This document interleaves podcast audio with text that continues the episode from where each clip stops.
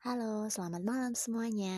Kali ini Ayu bakal share sedikit nih ke teman-teman yang mungkin lagi bete, lagi kesel karena lagi ada problem sama doi atau misalnya kalian diputusin sama doi.